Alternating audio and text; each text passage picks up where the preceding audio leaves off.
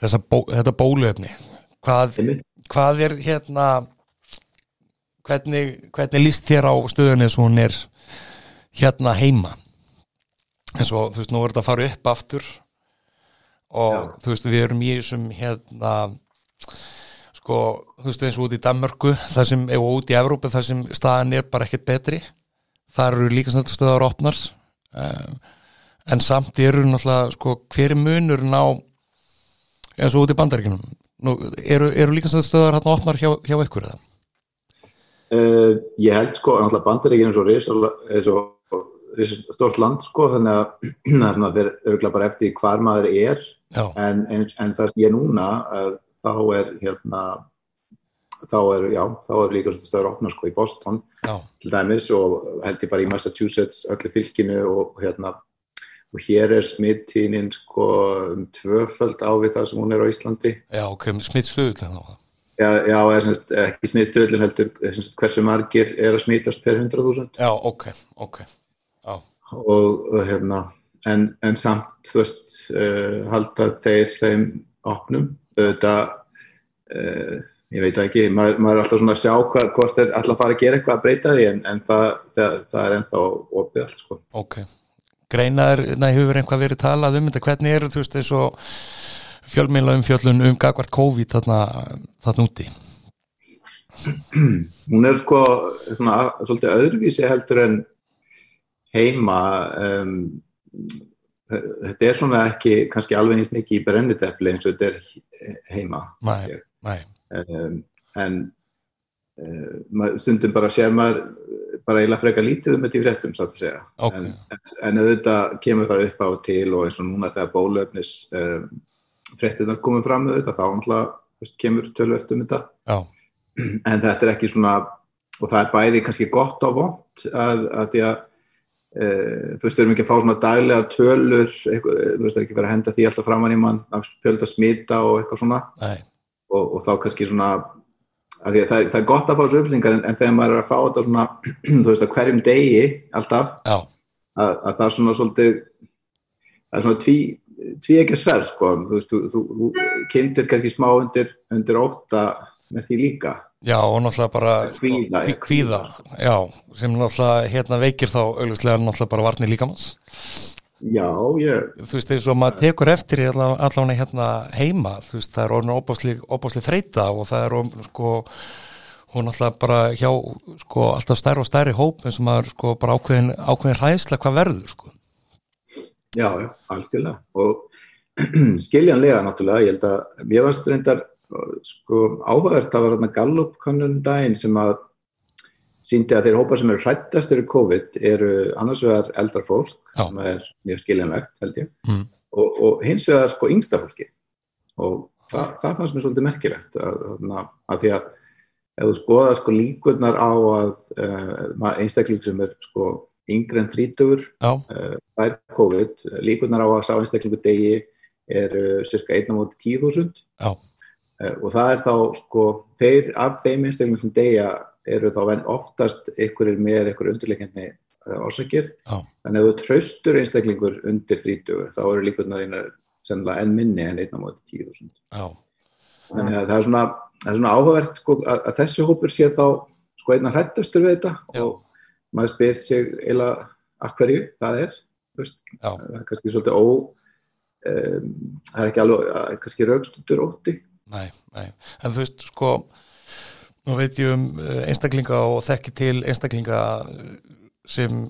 smitaðist af uh, COVID og, og hérna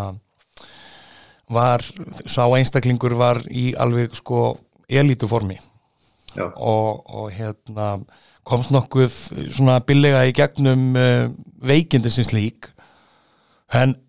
afleðingarnar eru bara margfalt verri. Þú veist, þetta er einstaklingur sem er hérna rétt undir færtugu var í toppformi og er núna uh, ekki sko valla skuggin af sjálfum sér. Þú veist, einstaklingurinn uh, í februar þetta var einstaklingur sem hljóp uh,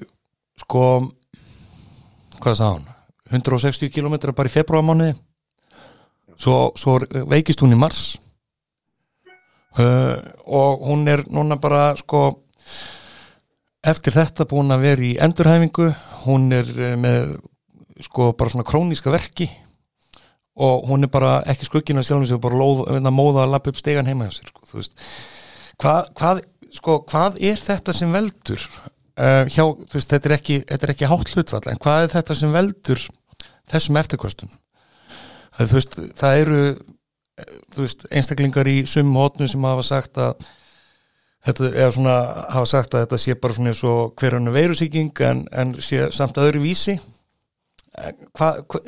þú veist, að því að þú veist, maður fær lúnabólgu og, og, og hérna flensuenginni eða, eða, eða, eða flensu. Maður myndi sko þetta, þetta er einhvað, einhvað öðruvísi. Hvað, þú veist getur þú skýrta eins Já, sko þegar maður fær svona það er mjög merkilegt í rauninni hversu mísjöfn viðbröðin eru við þessari veiru. Sem er allt upp í, sem ráðsum kannski sínt að allt upp í 40% af þeim sem fá veiruna séu enginlausir, það er kannski nær 20-30% en eh, sko, og svo eru sumir sem verða bara fárveikin eins og segir og sumir sem fá mjög mikil eftirköst þannig að menn að svona verða klóru sér aðeins í hausnum við því uh, og eina ástæðin sem hefur verið nefnd er að, að, að það getur verið svona krossa ónæmi kannski veist, vegna annara kórnuveri síkinga að, að það, ef þú ert með eitthvað móterni gagnar gegn gagvart öðrum kórnuverum að þá kannski fær þú mildari enginni eða engin enginni ef, ef þú smittast af, af þessari nýju veiru, nýju tegund Já. En, en, en það er, sko, það er alveg, alveg þekkt að þegar fólk fær influensu og, og aðrar veirusíkingar að þú getur þá kjálfarið uh, haft mjög langvarandi enginni og það, það er vel þekkt. Um, hins vegar er, myndi ég segja, bara ekki nægilega vel uh, búið að kortleggja sko, hvort að það sé meiri og meiri langvarandi eða, eða svona, þetta sé meira í þessu, í COVID heldur en í öðrum svæsnum veirusíkingum. En þetta er eitthvað svona, þú veist, þú færði eitthvað, eitthvað svona mjög öfgafullt uh, svona bólguferðli sem fer á stað í líkamannum sko þegar þú síkist að þá tekur það líkamann stundum bara marga mánuði að jafna sig eftir það og, en, en það er ekki í rauninni alveg, það er ekki búið að kortleika þetta alveg nægilega vel. Ég veit að Íkót er að rannsaka þetta og ég, ég sá hérna eitthvað viðtal við, við þau uh, fyrir einhverju mánuði eitthvað það sem að var svona að ræða við og þá kom í ljós að, að margir þegar maður höfðu svona enginni þau gátt einhvern veginn ekki mælt sko það var ekki mælanlegu munur á, á, á svona ymsum svona objektífum breytum sem verið að mæla eins og veist, hvernig lungnakapasitetið er eða, eða blóðhustingur eða eitthvað mm. sem, sem að, en, en það, þetta var náttúrulega ekki, það var ekki búið að klára þannig að það verður áhvert að sjá hvað kemur út af því. Þetta er eitthvað svona sem að, já við vitum ekki alveg hva, hversu algengt þetta er og hversu langan þetta er en þetta er samt alveg þekkt fyrir bara eftir að þú vext af veirum, að fengir svona svæsna veirsingu, það getur fengið langarnd veikind eftir það Þannig, og það er náttúrulega ekkert sem að eitthvað, það er ekki eitthvað sem maður þarf að, að taka léttakt sko. Nei, nei. Herru, ég ætlum að fá að kynna þig Jón Já. Ívar Einarsson Verður velkomin Takk Herru, þú ert hérna profesor við Leknindelt Harvard og skurlegnir við eh, Brighton and Women's sjúkrahúsi í Boston Já Hvernig hérna er eh, hvernig er eh, staðan þarna úti hjá ykkur núna? Um, sko það eru þetta virðist svona eins og maður horfir í fréttum, þetta virðist bara vera svolítið svona stjórnlust uh, ástand þarna í bandaríkjanum Já, sko ég held fyrstulega að ástandið sé rosalega mís sem bara eftir hvar maður er í bandaríkjanum uh, vegna þess að þetta er mjög stort land uh, þetta er rauninni svolítið eins og að segja hvernig er ástandið í Evrópu. Já og hérna, veist, það fyrir alveg eftir hvað það ert og við til dæmis um, sko, austuströndin fór mjög illa út af þessu hérna í, í vor mm. uh, og það var mótefnumvæling sem var gerð hérna í júli og þá síndi það að það voru eitthvað uh, 20 og eitthvað prósent sko af fíðinu hérna á nörðuströndin sem var með mótefni mm. þannig að það er náttúrulega ekki nóg til að, að það komi hjarðónami en, en það er samt kannski hæ, það hægir svolítið á skútbreyslunni þannig að uh, við erum í nokkuð góð málum hér núna finnst mér þó að reyndar hefur tínin á verin hefur verið að fara upp. En ég get sagt þér, sko ég vinn hérna á, á uh, með stóra sjúkarási og þar er bara algjörlega business as usual og hefur verið það bara síðan bara í mæ Já, og við erum að keira alveg á fullu við erum með þessu sko 110% sko dampi vegna þess að við erum að vinna upp það sem að, að því að það stoppaði hérna allt sko í, í vor. Og hérna uh, og samfélagið gengur svona nokkuð vel ég meina það, þú veist ég, fólk fyrir út að borða hérna líkansættastöður eru opnar uh, þú veist að ganga allir með grímur og það hefur verið eitthvað sem að, við hefum verið að gera núna bara síðan í, í vor. Já, og maður er svona bara, bara vanið því. Veist, það er óþægilegt í byrjun en, en maður svona, það er Maður finnur- eitthvað sem venst. Já, maður bara hættar að finna fyrir þessu. Já, og hérna, en, en svona, og jú, jú, það er svona, mað, þetta er náttúrulega ekki alveg eðlilegt líf, en, en veist, þetta er ekki eitthvað svona, eitthvað ræðilegt ástand eins og, maður stundum, ég, mér finnst þetta oft svona fyndið að lesa, sko, umfjöllun um bandaríkin af fólki sem býr ekki hérna hefur ekki verið hérna í mjög langan tíma, hef, Nei. hef ég bara aldrei komið enga. Og, en fjölmiðla eins og veist, þeir eiga náttúrulega til að, að hérna, draga fram svolítið svona öfgafullar, það, er- svona clickbait, þú veist, þú, þú, þú vilt, þeir vilja náttúrulega selja blöðin sín, já, já, já það er skilinlegt. En þú veist, uh, ég talaði við eitt kollega minn í hérna snemmaði vor þegar þetta var allt á flegi ferðarn út í New York. Og Já, þá sagði hann mér frá því að þú veist, þá var maður bara að gera sér, veist, með við fjölmjöla umfjöllunum þá bara horfði maður á hlutina þannig að fólk væri bara hérna var búin að heyra einhverjar sögur af því að einstaklingu væri bara búin að byrja sér inni með tvekja mánuða vistir og þar fremdu göðunum en hann sagði Uh, hérna eru bara allir, eða margi hverju bara rosa rólegir og hérna eru bara hérna í Central Park er bara fólk út að, út að laupa og, og, og en það voru líka stöðar hérna opnar og starfandi. Uh, en, en sko sko það er ekki það uh, sko ég tristi og horfi svona auðvitað maður svektur yfir hvernig hlutinir hafa kannski þróast en ég sk skil þetta svo sem uh, ég skil þetta alveg. Sem sagt um, að þeir vilja hafa líka þetta stöðar lokaðar og þar fremdu góðunum en það sem maður hefur áhyggjur af er í raun og veru eins og hérna heima. Við erum í e, mestaskamdeginu og við erum ekki að fá sólageisla og, og þú veist það er sko, það er einmitt þessi áhrif á líþjölsuna og okkur sagt að þú veist um, eins og maður að hvetja fólk til þess að klæða sig vel og fara bara út að hreyfa sig og nota þú veist lóðin sem þau eru með heima í stofu og þar fremdu góðunum þetta, það, þetta er samt ekki sami hluturinn. Og Nei, og, og hef, þetta er ekki sami hlutur að komast einu líkastættustuð og taka þar hérna kröftuæfingu og til þess að viðhalda mekanismónum í líkamann þú veist, og, sko, svo eru einstaklingar sem eru sem hafa, eru í miklum áhættu þú veist, þá er ég ekki að tala um eldri einstaklinga, það eru einstaklingar sem eru með þessa efnaskipta villu, þess að metabólika syndrom um, sem bara ákveðin svona bólgumyndun í, í líkamann ekki satt og sko hvað er það við þessa veiru sem eh, þannig ég spur ég skurlæknindin að því sko hvað er það við þessa veiru sem sem hérna svona samanborið við venjulega flensu sem verður svona sem verður svona dramatísk á þennan hóp? Já, þetta er svolítið stór spurning sem að, í rauninni held ég að stuttasværi eru vitna ekki alveg en hins vegar þá e, það sem þessi veira er svolítið, það er áhugast með hana er hversu mismunandi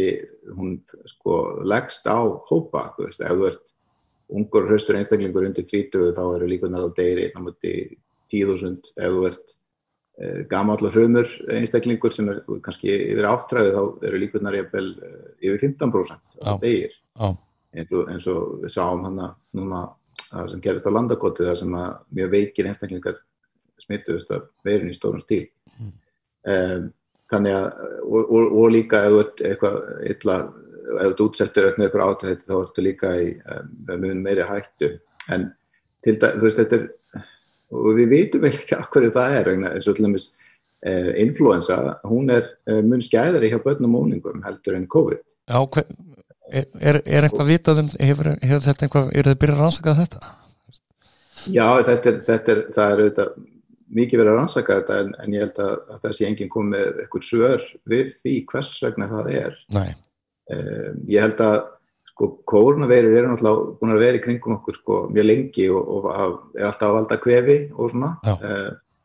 uh, og kannski, þú veist, ungt fólk er alltaf að fá, eða kannski fær meira kvef, þú veist, er alltaf í skólum og er alltaf með eitthvað í nös og eitthvað svona smá og Mm. þú veist, er eitthvað krossa ónæmið þarna, ég veit ekki, það, þetta er bara náttúrulega bara algjör, algjör bara út í loftið, uh, sko út í loftið hjá mér sko, en já, En það virðist vera, eins og ég segja, að ungt fólk sé alls ekki eins útsett fyrir svo smitar ekki eins mikið. nei Um, og það, það er svona eina ástæðan fyrir því að Ég er svona smá crossóna með eins og þú segir hugsanlega, sko, að það geti verið, að að veist, það er, það eru náttúrulega uh, aðrar koronavirur sem að við höfum verið í nábíli við uh, mjög lengi, sko. Já, já Þú veist, eins og með uh, sko varandi með þetta með sko varnir líkamanns það er að segja varnir líkamanns við erum með um, það, er, það er ótti og það er kvíði og það er hæðsla við það sem kemur til með að verða og bara eftir svona í ljósi e, bara fréttaflutnings af þegar hlutnir eru svona í svona, eh, hvað maður að segja þeir, þeir eru, þetta er bara svona eins og þetta verður bara svona stjórnlust og þá er náttúrulega bara, þú veist, eh, eldri hópurinn eins og þú varst að tala um áðan að eldstu hópurinn er, er kvíðinn og, og svo, svo yngstu hópurinn eða sem sagt einstaklingar á milli 20 og 30 eftir þessari gallupkönn sem komandi um daginn. Einmitt, einmitt. um, sem er svolítið áhugavert að, að hérna að, að sá skulur að, að sá hópur skuli vera svona einna hrættastur við þetta Já, mér finnst það áhugavert, sko, maður svona velti fyrir sér hvers vegna það er. Ég skil mjög vel að eldra fólk sér hættu þetta, það er náttúrulega raunveruleg hætta, mjög mikil hætta þar. Uh, en hins vegar já, mér er svona mér finnst það sérstætt að, að þessi, þessi hópur 20-30 ára og þeir, það, það, sá hópur er kannski meira móttækilegur fyrir þessari svolítið svona óttablandnu umræðu uh, sem að er í fjölmjölum já, og uh, ég veit ekki, það, það, það verður áhvert að, skoða eins betur svona hvað við, við hérna eins og þú kannski hefur tekið eftir þá uh, það er svona hópur af fólki sem að við svona hópuðum okkur saman. Uh, fólk er að kalla okkur einhvern ansbyrnu hóp en við erum, ég veit ekki hvort að það sé rétt efni en uh, Þorsteinn Siglausson og, hérna Sigurður Andersen og ég se- settum saman hóp saman og það er mjög margir aðrir sem að koma þar að bæði læknar og hagfræðingar og lögfræðingar og, og svona fleiri stjættir því þetta, þetta, svona, veist, þetta kemur inn á svona mörg svið sko. já, og eitt af því sem við höfum áhuga á að gera eh, við erum þetta að skipulegja svona við gerðum eitt fund um daginn eh, með honum hérna, Martin Kuldorf sem að, eh, var einn af höfundum hann að Great Barrier Declaration Barrington Declaration fyrir ekki uh, og síðan uh, við erum núna að skipulegja fund með uh, fólki í íþjóðarþreyfingunni, ætlum að tala um, tala um þann flöt á þessu. Ok. Og okkur finnst líka okkur finnst þetta líka áhugavert sko með uh, svona viðhorfið og höfum, hö- erum að, að skipulegja sem sagt að gera könnun sem að eru þá gerði gögn óháðan aðala með bara mjög svona neutral spurningum með þetta að, að því að við teljum ekkert ólíklegt að fólk kannski kannski íkja aðeins uh, fyrir sér hættuna þó að hættan er umveruleg það er engin, engin, er engin ég er ekki að halda því fram að þetta sé ekki hættuleg vera hún er það vissu, vissulega, sérstaklega fyrir okkur hópa. Já. en ég held að ég held að sé hugsanlegt að sumir, sumir kannski íkja aðeins hættun og það var til dæmis ansvort í Breitlandi sem síndi það mjög vel að fólk uh, þar í skoðanakvöðum uh, var uh, íkti margfald hættuna á að, að veikjast illa á deyja af, af COVID. Já. Hvað, en já, fyrir Nei, nei, en, en, en, sagt við, svona, þetta er, þetta er nefnilega, þetta er svo flókið mála því að, að þarna, þetta er ekki, þetta er ekki veiru sjúkdóma mál, þetta er ekki smitsjúkdóma mál, þetta er ekki laknisfræði mál, þetta er, þetta er, sko, spannar eiginlega nánast öll, sko, alla fleti samfélagsins. Já, eða bara hvernig samfélagi viljum við hafa og viljum við búa í? Þetta er svolítið að kemur inn á svo margar hluti. Eins og sótvarnar hérna leknir talað um hérna áður en þriðja bylgjan um, hófgangu sína og, og fór í hann vöxt. Þá einmitt, talaði hann einmitt fyrir þessu líka. Þú veist, í hvernig samfélagi viljum við búa og þar fremdu hvernig viljum við búa í í svona bóðum að bönnum og hann, hann var ekki talsmaður fyrir því þá. En eins og hann hefur sagt og komið inn og kannski líka bara sjálfur um, hann er talsmaður fyrir uh, hlutunum frá til dags sem, er, sem að skilu, skilu bara mjög vel uh, þegar hlutunar eru svona. Um, það sem hann á við líka er, er einmitt álægið á, á spítalan mm -hmm. um, snýst þetta ekki fyrst og fremst svolítið bara um það að sko, geta viðhaldið nokkuð eðlilegri starfsemi á sjúkrásunum á, veist, er, er, er, það ekki, er það ekki bara hérna grunnhugsun með því að halda, halda, halda þessu niðri? Veist, með, með þessum bóðum bönnum. Jú, sko, fyrstulega þá náttúrulega er þessi veira slæm og, og veldur vesenni og vandræðum og sjúkdómum og veikindum og dauða og það er það er alveg klart mál og það, það, það er engin góð leið út úr þessu það, er, e, þannig að við þurfum e, þetta er einhvern veginn að eins og ég hef skrifað áður að fjeta en að vannfarna meðalveg sko og, og, og, og bara svona til að það komið fram hérna því að mér finnst oft einhvern veginn loða við að fólk fyrir oft í svona einhverjar öfgar í umræðinu Já. og um,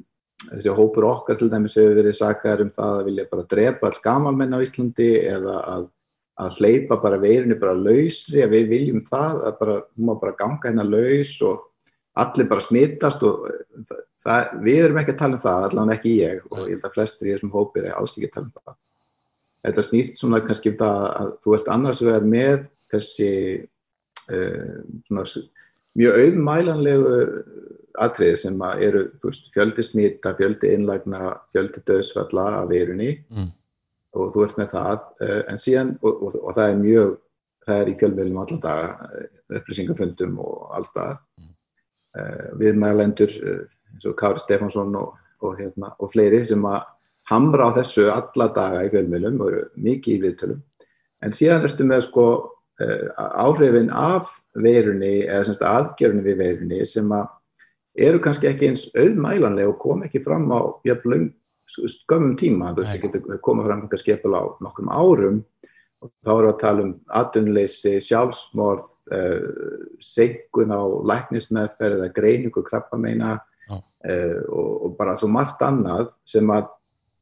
þannig að veist, þetta er svolítið erfitt að ballast þetta og ég veit að það vilja allir auðvitað, allir er að reyna að gerast besta í því en, uh, og ég held að smeitsutum að sko, hérna ég held að sótanlæknir sé hann er bara að vinna vinnu sína og ég held að hann sé að vinna vinnu sína mjög vel hans, hans mars, eða, veist, dagskipin er að hemmja þessa veiru og, og, og lámarka smitt og það er náttúrulega það sem hann er að vinna að en, en máli er að þetta, eins og hann veit náttúrulega og hefur oft sagt að þá er þetta miklu stærra mál heldur en það og það er kannski ekki hans að ákveða allt, allt í kringum þetta. Er það það sem þetta snýst um að, að fá inn fleiri fáinn fleiri aðeins til þess að taka, taka þessar ákvarðanir. Já, já, en, en, eins og, og nefndir hérna áðan þá er auðvitað það að halda sjúkrahúsunum þannig að þau yfirfyllist ekki er mjög mikilvægt og hérna, eins og mannst í upphæfi þá verður að tala um að, að fletja kurvuna Vist, við ætlum ekki að, að ítinni nýri núl, við ætlum bara að fletja og lengja bara í þessu. Já. og hérna sóftarnalæknin segði þarna í mars til dæmis að þetta myndi gangi yfir á svona tveim mánuðum ah. en, en,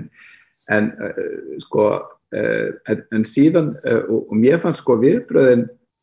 þannig voru bara algjörlega eðlilega og ég var mjög ánæður inni með það sem þau voru að gera og, og hana, ég meina sérstaklega þegar að það var sagt að það verið þrjú umlað 3% dánatíni sko uppalega var verið að tala um hjá allþjóða helbriðarstofnastofnunni það er náttúrulega bara mjög alveg hlutur og skynsanlegt og eðlegt að loka öllum en síðan einhvern veginn uh, farði þetta meir einhvern veginn að því að við ætlum bara að hemmja þetta alveg og íta þessu alveg í núl nánast. Uh, og það, þá ertu þá finnst mér að vera að fara sko, bara of langt í aðra áttina og þá ert að valda kannski aðeins of miklum skada fyrir þann ávinnings sem þú ert að fá. Mm. en eins og ég segi, þetta er náttúrulega mjög þetta er, þetta er erfið svona balancing act eða erfitt að halda sér á svona á þeim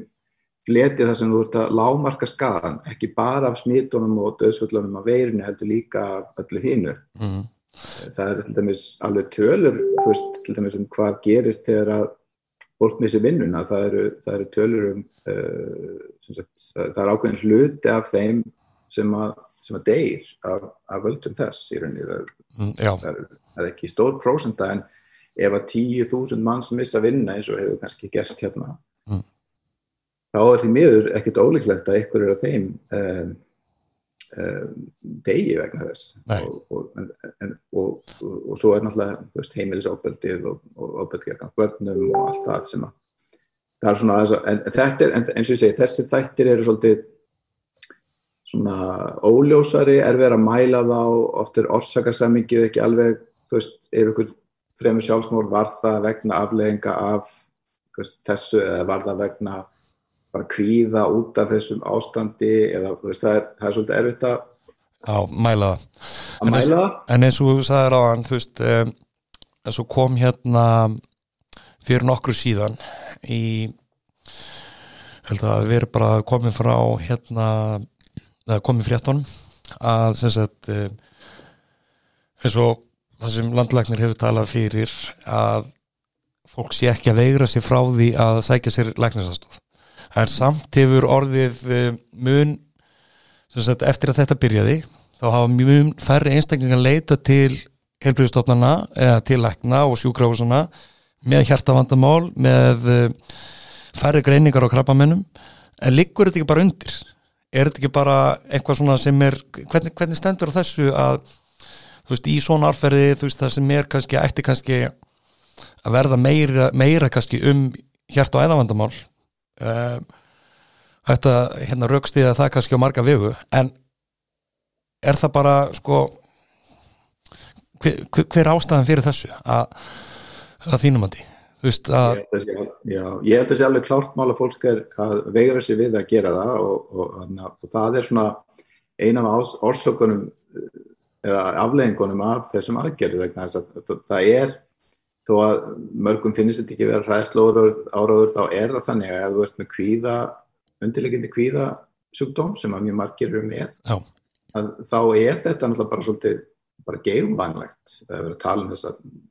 hræðilegu veiru sem getur dreipið fólk og mm, allt það og sem hún gerir auðvitað. En, en það, það, þetta, þetta veldur óta og, og kannski, kannski of miklum eða, já,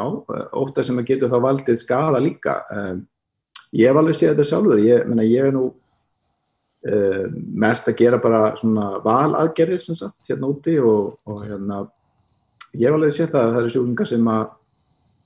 segja já ég hérna, var með veist, ég held ég kannski verið komið síkingu eftir aðgerðin en ég vildi ekki ég var ofrætt að fara inn á sjúkrahúsið þannig að ég var ekki að hafa samband. Og maður bara svona, að, být, halló, þú vart auðvitað átt að hafa samband við okkur. Já. en, en það er og, og, og, það er kannski ekki það alvarlegast í heimi en, en meina, ef fólk er ekki að ástæð fyrir því að það er verið að skeima fyrir krabba minnum og það er ástæð fyrir því að, að fólk sem að er með hjarta og aðsjúkdóma á að vera í eftirliti ef, að- ef að það skilaði einhverjum árangri þá, þá væri vantarlega ekki verið að standa í því. Þannig að ef fólk er ekki að eh, mæta í þessa hluti að það hlýtur þá að hafa eh, neikvæðar afleðingar en það kemur kannski, kannski ekki til ljós bara fyrir seint og síðan já, þú veist eins og með um, með kvíða og allt þetta óöryggi þetta er það er allavega fyrir sjáanlegt að það veri nóg að gera á, á hjá geðleiknum og sálfræðingum hérna á næstum missurum sko. Já, það er hægt í því og, og hérna það er sko já nú alveg kollega og vini í þeim stjættum og, og það er nú þegar mikið að gera hjá þeim veist, það er þetta er náttúrulega eigur auðvitað á uh, ágjör og kvíða og þunglindi hjá þeim sem þegar eru uh, eitthvað í það áttina og, og jafnvel bara hjá venlegu fólki líka. Já. sérstaklega þetta búið að vera svona langvarandi þetta búið að vera búið að vera núna í hvað nýju mánuði eða eitthvað svona að verði kannski líka hjá einstaklingu sem hafi ekki fundið til uh, þessar þátta, þetta er kvíð og annað veist, eh, sem hafa uh, mist einhvað hlut, hluta af, af sín, sínum viðveri, sín, sínu starfi að þú veist það verði bara í ljósu í kjölfarið af þessu öllu að verði þessi svona, svona tilbúninguna bara á, á, áfallastreitu. Já, þú veist, uh, sem er sko og það sem, þegar maður kemur allt inn á, inn á þetta það verður það verður sem sagt um, þetta hefur allt áhrif á sko bara hilsuna, hilsuna okkar. Þú veist, þegar maður er að tala um líðhilsuna, þú veist, maður, þú veist um, eins og margir farnir að um, svona taka eftir ákveðinni svona þessum hefðbundnu kannski COVID-kílóm sem eru kannski að bætast á ok, kannski 23 kíló ok, kannski stóra, stóra máli eh, ekki kannski aðalmáli í stóra samminginu um, heldur heldur er það um, sko það er sem, sagt, það sem hefur áhrif á hugan það er einmitt veist, þessi áföll og þetta stress og þessi kvíði. Þetta hefur svo langvarandi áhrif á það að einmitt að geta byrjað aftur upp á nýtt. Og meðan við hræðsluna í raun og veru sem og óöryggið, gagvert þessu eins og hlutnir hafa verið talaðir að þegar við erum komin á þann stað að þeir koma til með að opna líkastrættastöðar aftur nýjanleik þá held ég að þurfi þannig að ákveðin hópur tristi sér hann inn. Þá verða að koma bara ákveðin skilaboð frá yfirvöldum að það sé í lægi að fara hann inn. Já, að því að sko við erum ekki tala við, við, eins og einu líkastrættastöð við erum kannski endilega bara að rekta líkamann á okkur. Stór hluti fólk sem fer hann inn er að fara hann inn til þess að sinna sér og sinni sál. Já, sem er ekki síðri hluti þegar kemur að hilsunni og, og, og hérna, ná árangri og, og hérna hveða burt uh, sentimetra og auka fytu og til göttunum þetta er bara svona þetta er ákveðin svona siðferði spurning sem við þurfum að að hérna, velta fyrir okkur þú veist að því að, því að sumir eru að hugsa með sér við erum bara hérna, erum bara þessum stað en nú erum við komin í þessa umræðu að, að þetta bólefni að frá Pfizer sem er hérna virðist bara vera það eina sem getur bara orðið bjargað okkur frá þessu. Heldur að um, ef það kemur á fyrstum, fyrstu mánuðum með vikum næsta árs um, hversu heldur að um, þetta komið til að breyta ástandunum fljótt í svona litlu samfélagi eins og hér á Íslandi verður ekki svona fljótar heldur en margar aðra þjóður að koma jafnvægi á það jú, eh, sko, ég hef nú kannski bara áður að ég er sammálaðið með líkamstöðunar en það er kannski líka bara þetta fer svolítið eftir lífstílunum eins og ég veit alveg en mig að, hana, ég fer í rættina reglulega á mig að bara vera hluti af bara já, andleri helsu heila. Eh, þó maður auðvitað vilja verið í góðu formi eh, líka. En maður fann það alveg þarna í vora þegar maður komst ekki í rættina í nokkra mánu að manni fannst það svona frekar það var frekar leðilegt uh, já, já, og, um, en núna er ég bara svo heppin ég get farið í rættina hérna úti og um, mér finnst það bara það er alveg bara frábært og mér finnst sko tölunar ef maður bara fer eftir eh, sko hættunni að hafa líkansastöður opnar, hún er mjög lítil. Ef það er vel að þessu staða líkansastöðunum þá er hættan mjög lítil og að smittast og mér finnst persónlega að að það er verið opnar í, í, e, og, og, og, en auðvitað fara mjög vel eftir öllum uh, hérna, uh, ráðstöðum og svona. Og ég fór nú þegar ég á Íslandi þá ég farið hérna í workclass og laugar sko og hérna það mér fannst mjög vel að því staðið og allir uh, passa sér mjög vel sem voru þar sko hérna, Já, hérna í haust Já, einmitt það en, já, en, en hérna en með bólefni þá sko þá, jú, sko, það er náttúrulega frábært að, að það séu komið fram núna bólefni sem er vonandi verða uh, samþyktir nótkunnar bara núna í desember, það er fundur hérna hjá FDA núna í eftir 12. desember uh, þar sem að þetta verður tekið fyrir og, ef, að- og það er talað um að ef að uh, það verði, þess að verður samþykt þessi neðar nótkunnar þá verður bara byrjað að bólusetja bara 13. desember sko Já, er það bara þannig Já, og það er búið að veist, flytja bólefnum all bandaríkinn, þau eru tilbúin út um allt og þau eru, veist, það er bara tilbúið, þau eru bara reddi og þetta á, á við önnu lönd líka og ég sé að sama var að gerast í Þýskalandi og, og ég held að Íslandi er örgulega verið að gera svipaðar ástafanir. Eh, þannig að það er þetta, jú það er þetta að fara að bólusetja mjög fljótt en ég held að vandamáli verði bara sko magnið af bólefnu og þess vegna er, þess vegna er nú verið að setja uh, þessar svona að gera þessar ástæðanum hver er ég að fá þetta fyrst. Og mér veist það reyndar uh, ég hef nú ekki verið oft sammála Kára Steinarsson undanferðið en ég, nú, ég er reyndar sammála um þar að hann hefur verið að benda á að hérna uh, í rauninni að eiga sko, þessir eldstu einstaklingar að fá þetta fyrst mm. sem að því að þeir eru í mestri hættu. Uh, þetta er þannig að það eru sko, fimm hópar sem eiga að fá þetta undan þeir sem eru eldri en 60 Ok, já það eru framlínu Já, og þetta, sko, ég, og ég veit að það er hér að mér finnst mjög líklegt að ég fái þetta í desember að því ég er alltaf vinn á sjúkrásu en mér, sko, ég myndi miklu frekar sett að segja ef ég mætti ráða því sem að ég fæ auðvitað ekki vegna þess að hjá okkur, okkar spítala við erum bara skikkuð í þetta og allt í læg með það, ég, ég myndi að þessi bólöfni en ég myndi frekar sjálfur sko vilja að eldra fólki fengi þetta undan mér, mér finnst ég ekki vera einhverjum forgangi við, við sko, fólk sem er veist, kannski 80 eitthvað ára mér, ég heldur miklu frekar þeir einstaklega fá þetta á undan mér að því að e, þeirra á þetta er margkvæmt meiri heldur mín að verða mjög veikir eða fá þessa veiru mm. e, þannig að en sko það er ekki framlýnu starfsmenn er ekki framlýnu alls framlýnu starfsmenn mm. og það er reyndar alveg tiltekið þarna í þessu að þeir sem eru sjúkluflutningamenn og þeir sem eru að vinna á gjörgjæslu og svona. Og, það, og jú, ég er sammála því að þeir hópar er að vera að, sko, ein, einar er af þeim allra fyrstu en þeir heilbriðistarsmenn hins vegar sem eru ekki að vinna eins og ég sem eru bara að vinna á skurstofu og veist, er ekkit alltaf í kringum fullt af kóðsjúklingum mér veist að við eigum ekki að vera undan gamla fólkinu sko. Ég, uh, það er svona bara mín skoðun. En, en uh, þetta er svona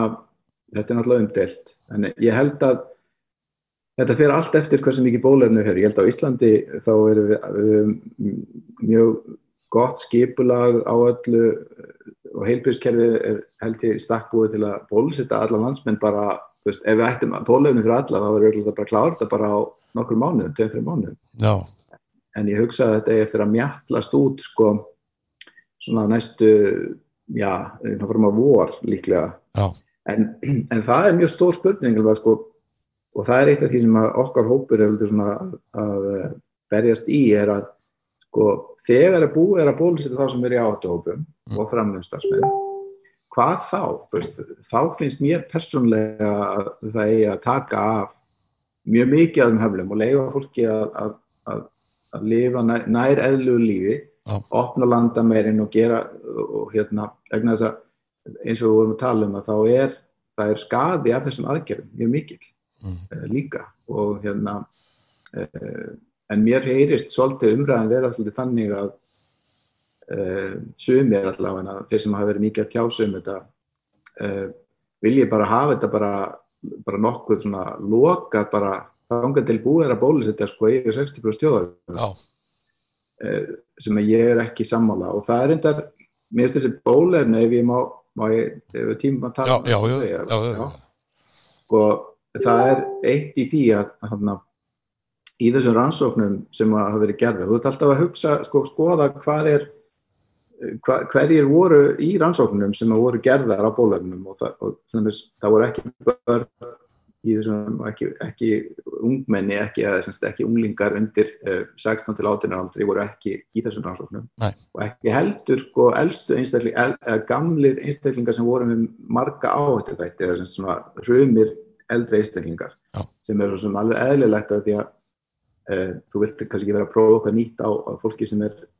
mjög veikt en, en við vitum sem sagt ekki alveg hvernig þetta bóluefni virkar á þá einstaklinga en eins og það finnst mér mjög eðlilegt að, að, hérna, að þeir fái bólusetningu samt sem, sem fyrst vegna þess að bara vegna þess að áhættan það er svo, er svo mikil á að þér veikist illa. En er það ekki, bara, er það ekki ákveðin bílun að, að hérna, vera ekki búin að hérna, testa þetta bóluefni á þessum elsta hóp? Ég menna, þú veist, er þetta ekki bara svona... Sko, það, það, sko, það voru eldri einstaklingar, það voru einstaklingar á sko, áttæðisaldri í þessum ansóknum en það er ekki einstaklingar á áttæðisaldri sem voru sem mjög veikir Nei. eða voru marga átt þetta eða voru hrumir. Nei þeir, þeir voru ekki með og mér finnst það svolítið svona, mér finnst það rauninni alveg skiljanlegt. En ég er bara spennt á það að, að við vitum ekki alveg hvernig þetta ber í þessa einstaklinga. Eins og þessi bólefni virka, þetta er reyndar ótrúlega sko, sérstaklega þessi MR, mRNA bólefni sem eru, eru ótrúlega snjöll sko, tæknin á bakvið er, er ótrúlega snjöll og þau, við vorum eiginlega bara heppina því að það er búið að þróa þessa tækning kannski svona síðustu tíu ár og síðan var þannig að þú varst eða komið svona bara uppskrift af bóluefninu og svo þurftur bara að, að setja inn eh, hérna, uppskriftina fyrir þetta eh, prótein af veirinu sem að verið að, verið að hérna, láta frumundur okkar framlega. Þetta mRNA bóluefni er þannig að þú eh, hérna, fær sprauti í vöðva og, og þar er þetta mRNA sem að er búið að fytu húða hérna til þess að brjóta þetta ekki niður mjög fljótt. Okay. og auðvitað gleipa það. Þetta er svolítið eins og þegar við vorum að gera kettinum okkar hérna getnavarnapillur þá settu, settu við þær í svona litla smjörkúlu. Okay. þannig að það þurfti ekki að tróða því honni hérna. Oh. en allavega þá hérna frumund að gleipa það og, og þetta mRNA er rauninni bara uppskrift af prótini, þetta er bara eins og að fá uppskrift af einhverju kukku eða eitthvað og þú fær hann inn í frumuna og hún byrjar að framlega prótini, það fer út á yfirbúrsfrumunar og ónæmiskerfið e, sér þetta hérna, óþætta prótin og, og fyrir að- bregðast til því og út í mótefni og Já, já, þannig að þess að fær mjög, fá mjög margir sko svona lokaliseraða eða sem sagt, staðbundna að það er bara, þú veist, ónæmiskerfi er að ráðast á þetta nýja uh, prótín. Já. en uh, og, og, og sumir sem fá svolítið svona einhver eh, hérna, sem hita og, og hérna og önnur svona standing væginginni en uh, í rauninni er þetta þetta er rauninni mjög sniðu tækni sko um, og á jafnvel eftir að sko nýtast á, á margt annað. Og það verður talað um að ég vil þetta, sko, setja fleiri prótein í saman hann inn og, og jafnvel nota þetta krafnins með fyrir annað. Síðan er eitt svolítið fyndið sko með atvinnaveru hérna uh, bólefni sem að var sem að Oxford bólefni sem að þetta nýjasta þriðja sem að kom Já. fram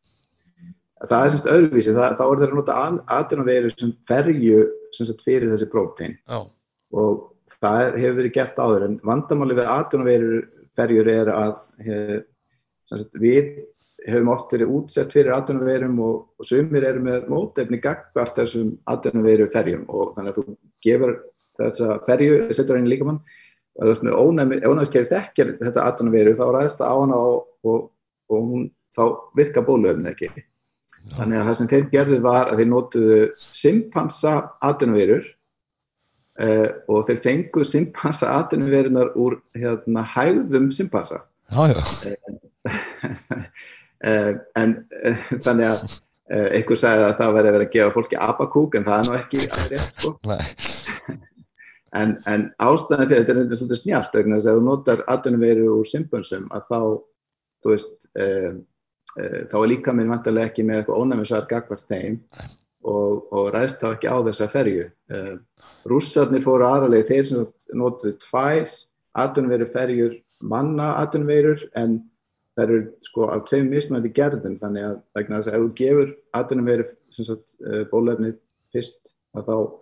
gætu komið ónæmisvar gagvart henni og þá virkar næsta spraut ekki nægilega vel þannig að þeir fóru fram hjá því með því að nota sko tvær mismunandi ferjur af Já. þessar atvinnaveru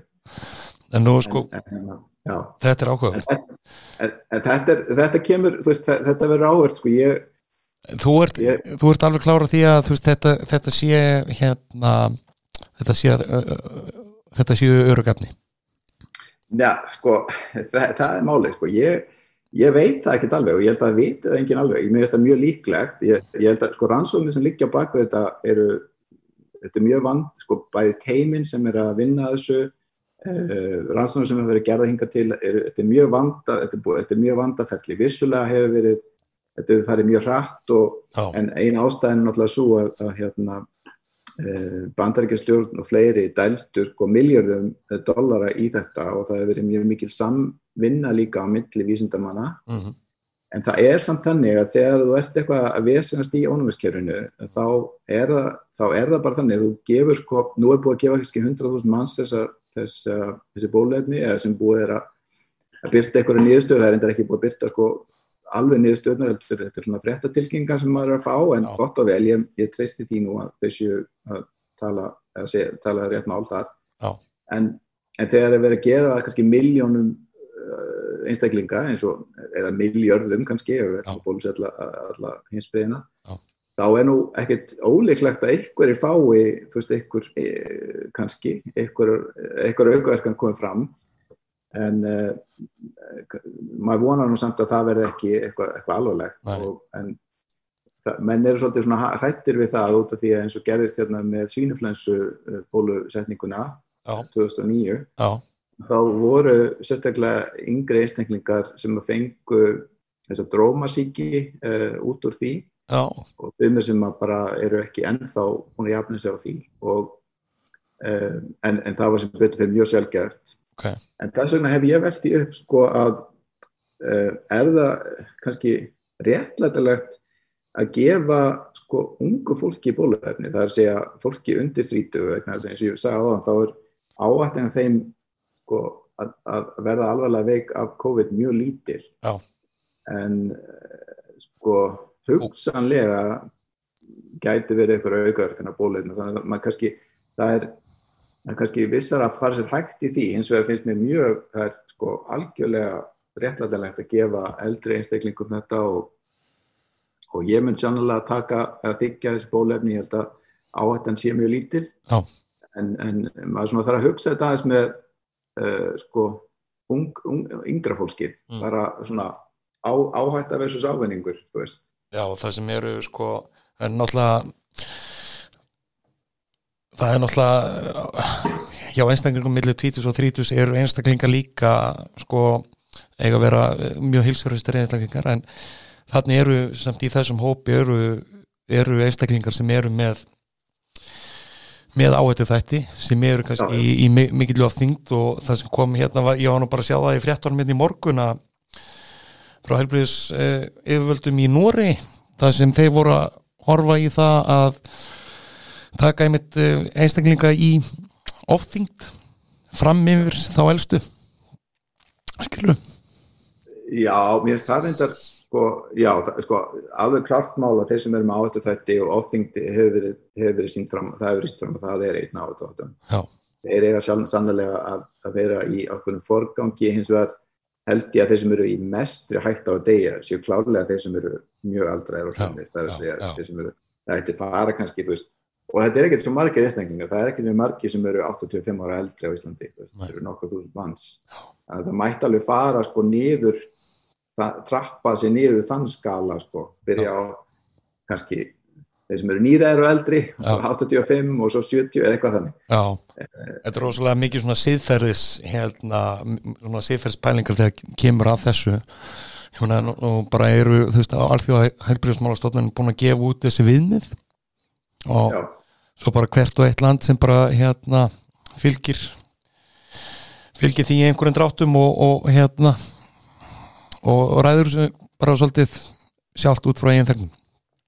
Algjörlega. Um, en sko þegar við talandum siðferði kannski aðeins inn á, inn á aðra þætti. Um,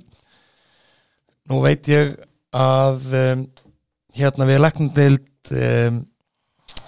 HÍ þá er um, þá er þar læknanefum svona tala eins, þeim er hérna mikið talað um siðferði. Um,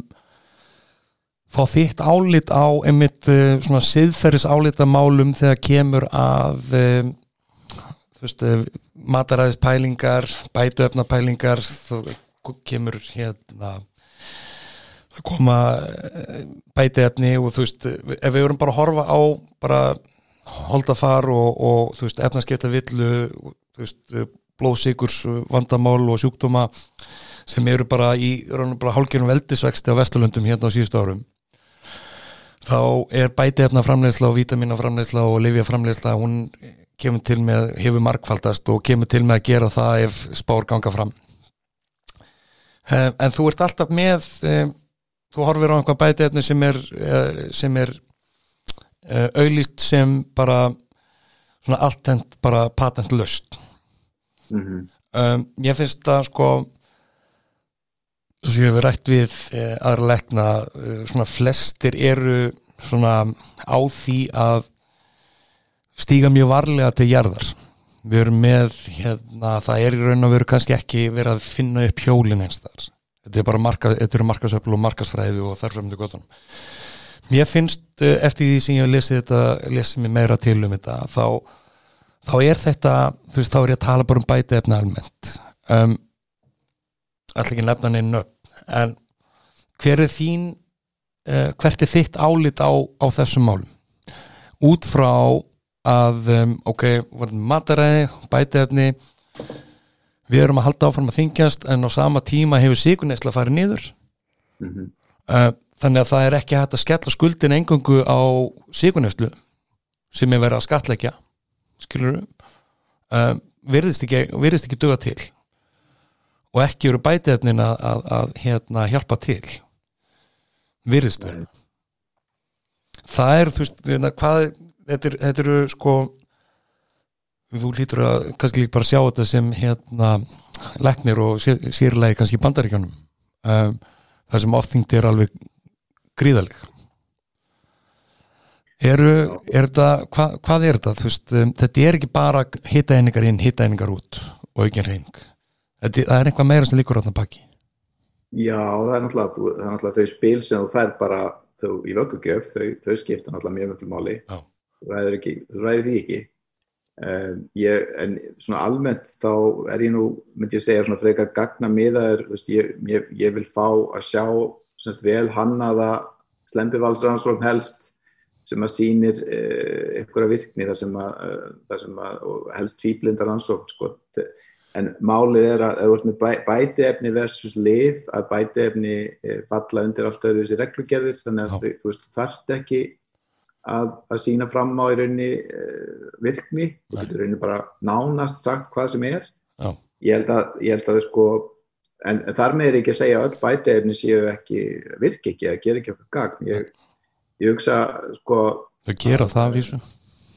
Ha, þau gera það, þú veist mörg hver. En, en, Já, já. en við erum að tala um sko, þetta er bara svona ákveðin síðferðsli spurning.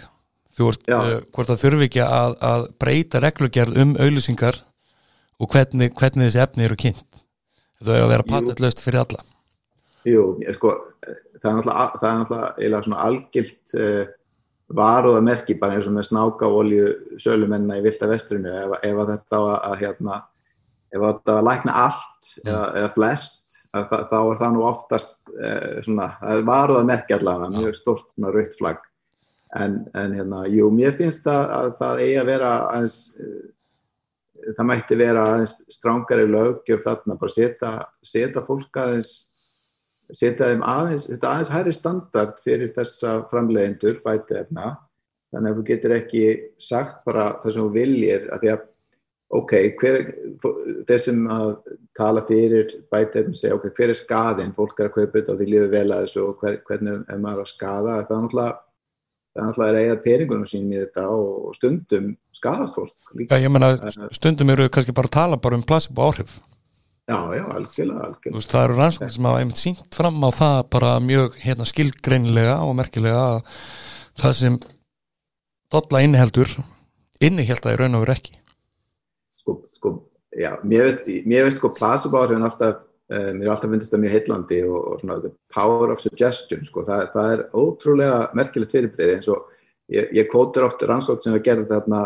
þetta er raunverulega rannsókn, þá var fólki, þá var fimm tegundur af víni og fólki var sagt sko hvað var ódýrasta og hvað var dýrasta vínið